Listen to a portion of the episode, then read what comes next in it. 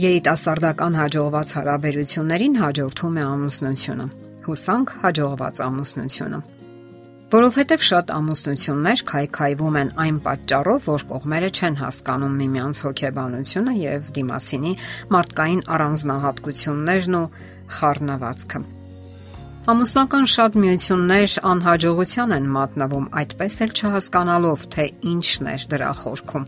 Շատ պատճառների թվում մասնագետները նշում են հարգանքի պահանջը կամ հարգանքի պակասը։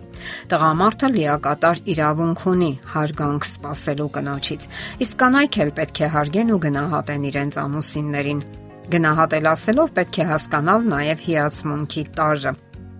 Սա ամուսինների դեպքում։ Իսկ ինչպես ընկալել դա երիտասարդական հարաբերությունների դեպքում։ Ինչպես ընդունել այն անznավորությունը, որի հետ պատրաստվում ես ապրել կյանքիդ հետագա ողջ տարիներին, եւ արդյոք դա կարևոր չէ։ Եվ այսպես հարգանք։ Ահա թե որն է ամուր հարաբերությունների հիմքը եւ ընդ որում ցանկացած հարաբերության։ Իսկ ինչպես չափել հարգանքի աստիճանը։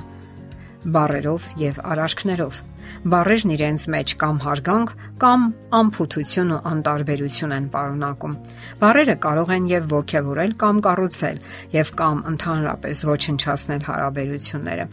Ուշադրություն դարձրեք ձեր ձայնին, երբ զրուցում եք նկատում եք այնտեղ հարգանք։ Ինչպիսին է ձեր տոնը, խաղաղ ու հարգալից, ըմբռնող ու կարեկից թե ընդհակառակը,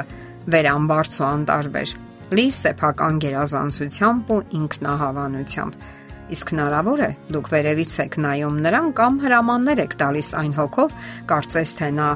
երեխա է։ Հարգանքը կամ անհարգալից վերաբերմունքը կարելի է արտահայտել նաև ոչ բառային ձևով։ Աչքերի որոշակի արտահայտությունը կամ հոնքերի շարժումը կամ խոր հոգոցը առանց որևէ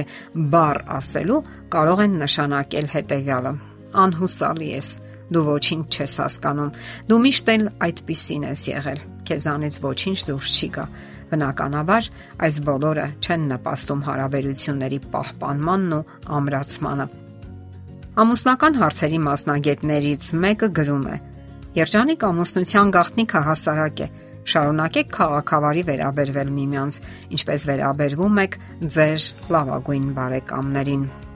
Թվում է པարզ ու հասարակ խորհուրդ է, եւ այն ամենայնիվ շատերը չեն կարողանում հետևել այս པարզ խորհրդին Սակայն ճշմարտությունն այն է, որ մենք մեր բարեկամներին չենք վիրավորում կամ չենք նեղացնում։ Իհարկե, սա պետք է լինի փոխադարձ։ Երբ երիտասարդ զույգը հարաբերություններում դնում է հարգանքի սկզբունքը, այն կարող է շարունակվել ողջ հետագա կյանքում։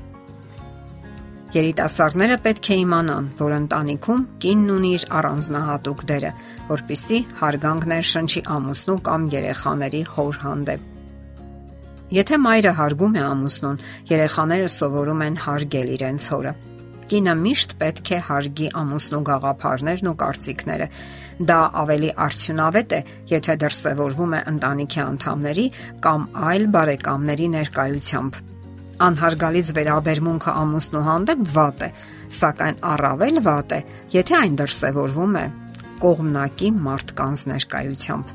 Երբ կինը բարձրացնում է ամուսնուն ուրիշների ներկայությամբ, նա ոչ միայն հարգանք է դրսևորում, այլև նպաստում է այն բանին, որ ուրիշները եւս հարգեն։ Թող երեխաները տեսնեն, թե ինչ հարգանքով է վերաբերվում կինն իր ամուսնուն։ Հարգել նշանակում է հավասարի պես վերաբերվել ամուսնուն, այլ ոչ երեխայի։ Անկարևոր չեն նաև բարերն ու արտահայտությունները։ Ուշադրություն դարձրեք որոշ արտահայտությունների։ Օրինակ, քանի անգամ եմ ասել կամ միթե դու չգիտես եւ այլն։ Ինչ տպավորություն կարելի է ստանալ այս նախադասությունները լսելիս, որ դիմացինը միանգամայն անօքնական է, խնամքի, վերահսկողության ու հրահանգների կարիք ունի։ Ահա թե ինչպես չպետք է վերաբերվել դիմացինին։ Մի քանի խոսք էլ քննադատության մասին։ Երբ դուք քննադատում եք դիմացինին, մշտապես հիշեցնում ինչ որ բաների մասին, ուղղում նրան հրամաններ տալիս, դրանով անհարգալից վերաբերմունք եք դրսևորում նրա ընտունակությունների հանդեպ որպես հասուն մարդ։ Մայրական կամ հայրական այս օրինակ վերաբերմունքը վերջի վերջո մի օր կխորտակի ձեր հարաբերությունները։ Ձեր դիմացինը կսկսի դիմադրել ձեզ եւ կապստամբի, որոշելով ազատ ագրվել խնամակալությունից։ Պետք չէ ամուսնուն զրկել անկախությունից թե կնոջը, թե տղամարդուն։ Սա ընդունված է հատկապես տղաների մոտ։ Նրանք են փորձում անկախությունից զրկել աղջիկներին։ Թեպետ հիմա ժամանակները փոխվել են։ Պետք է իմանալ, որ բոլորն էլ անկախության եւ ազատության են ձգտում, որքան էլ թույլ լինեն բնավորությամբ եւ էությամբ Սա մարդկային միանգամայն բնականon կարգավիճակ է, որ տրված է մարդուն հենց Աստծոց։ Եվ որքան թույլ, անպաշտպան ու անօքնական զգա մարդն իրեն, այնքան ցածր կլինի նրա ինքնագնահատականը եւ այնքան ավելի անպատասխանատու կվերաբերվի նա դիմացինին։ Արդյոք դրան են ձգտում միմյանց հարգող եւ սիրող հասուն անznավորությունները։